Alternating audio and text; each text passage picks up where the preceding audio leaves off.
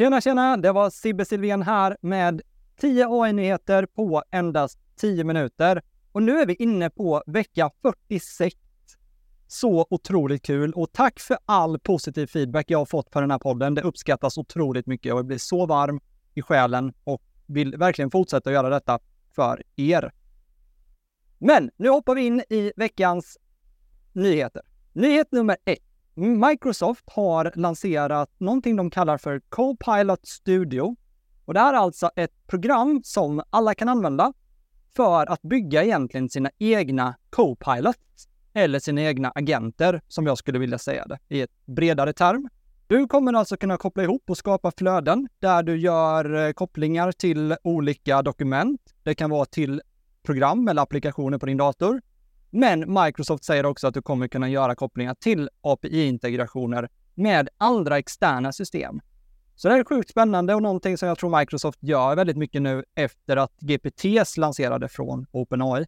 Vi hoppar in i nyhet nummer två, som väl egentligen var den mest chockerande nyheten för veckan.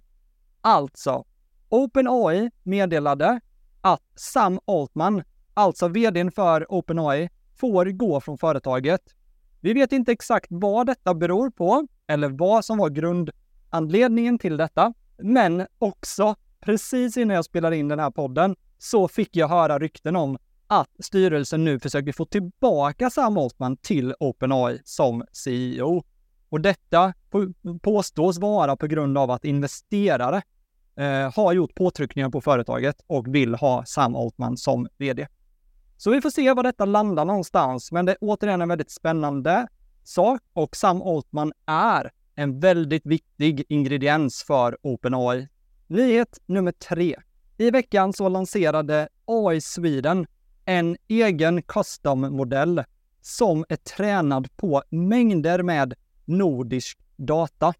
Och det här är alltså en modell som de kallar för GPT SW för Sweden och den här datan och modellen skulle då kunna hjälpa oss i Norden att kunna få mer relevanta texter och svar kopplat till allting som vi har att göra med. Och det kan ha med kulturella grejer att göra. Det kan ha med hur vi väljer att skriva eller hur vi väljer att prata olika saker. Så det är vad den här modellen ska hjälpa oss med eh, framöver. Så det blir spännande. Och vill du testa modellen så kan du göra det redan nu faktiskt. Om du går in på Hugging Face och söker upp AI Swedens konto där så finns denna modellen där du kan testa och kommunicera med den redan idag. Nyhet nummer fyra.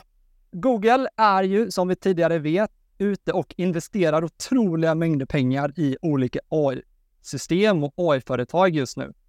Och senast så kom det rykten om att de är redo att investera flera hundratals miljoner i ett företag som heter Character AI och det här är ju alltså ett eh, företag som har utvecklat karaktärer som man ska kunna kommunicera med.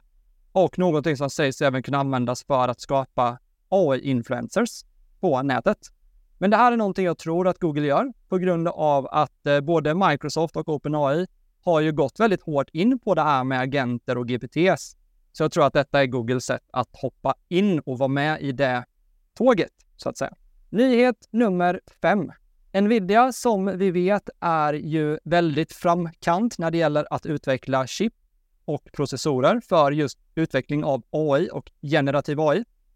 Nu har de lanserat en uppdatering av deras tidigare version H100 som nu då heter H200, alltså HGX H200. Och det här är ju en av deras första grafikprocessorer nu som erbjuder ett system som kallas för HBM3E och det är egentligen att det är, den är snabbare, den har större minne för att just kunna påskynda accelerationen av generativ AI och dessa språkmodeller. HBM M3E e levererar alltså 141 gigabytes minne och 4,8 terabyte per sekund.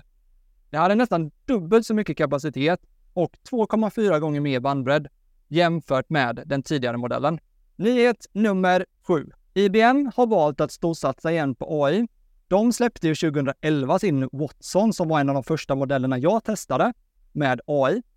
Nu har de lanserat en AI-fond som innehåller över 500 miljoner dollar där de vill att det ska utveckla system där företag ska kunna använda och utveckla AI och generativ AI i sina bolag. IBM säger själva att de räknar med att AI-industrin kommer att omsätta 16 000 miljarder dollar år 2030. Så eh, för IBM och de företagen som de investerar i så tros detta bli en väldigt, väldigt lönsam affär för eh, IBM. Nyhet nummer sju. Äntligen, äntligen, äntligen säger Microsoft att de har lanserat sitt eget AI-chip. Det här är ju för att Microsoft har tidigare varit så beroende av Nvidia.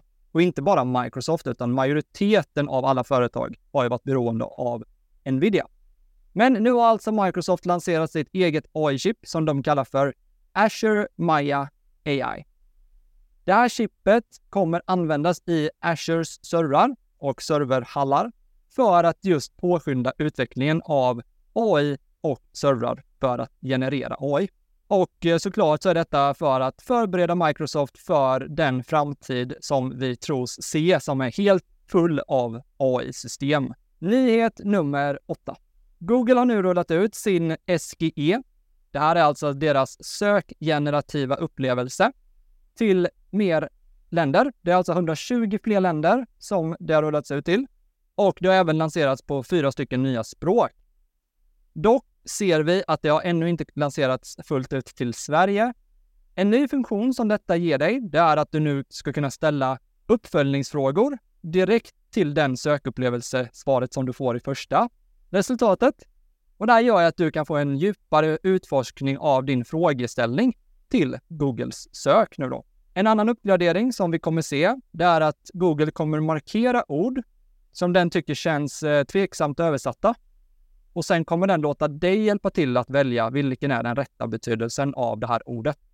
Och det är någonting de självklart gör för att fortsätta träna den här modellen, där du blir en del av träningen. Nyhet nummer 9.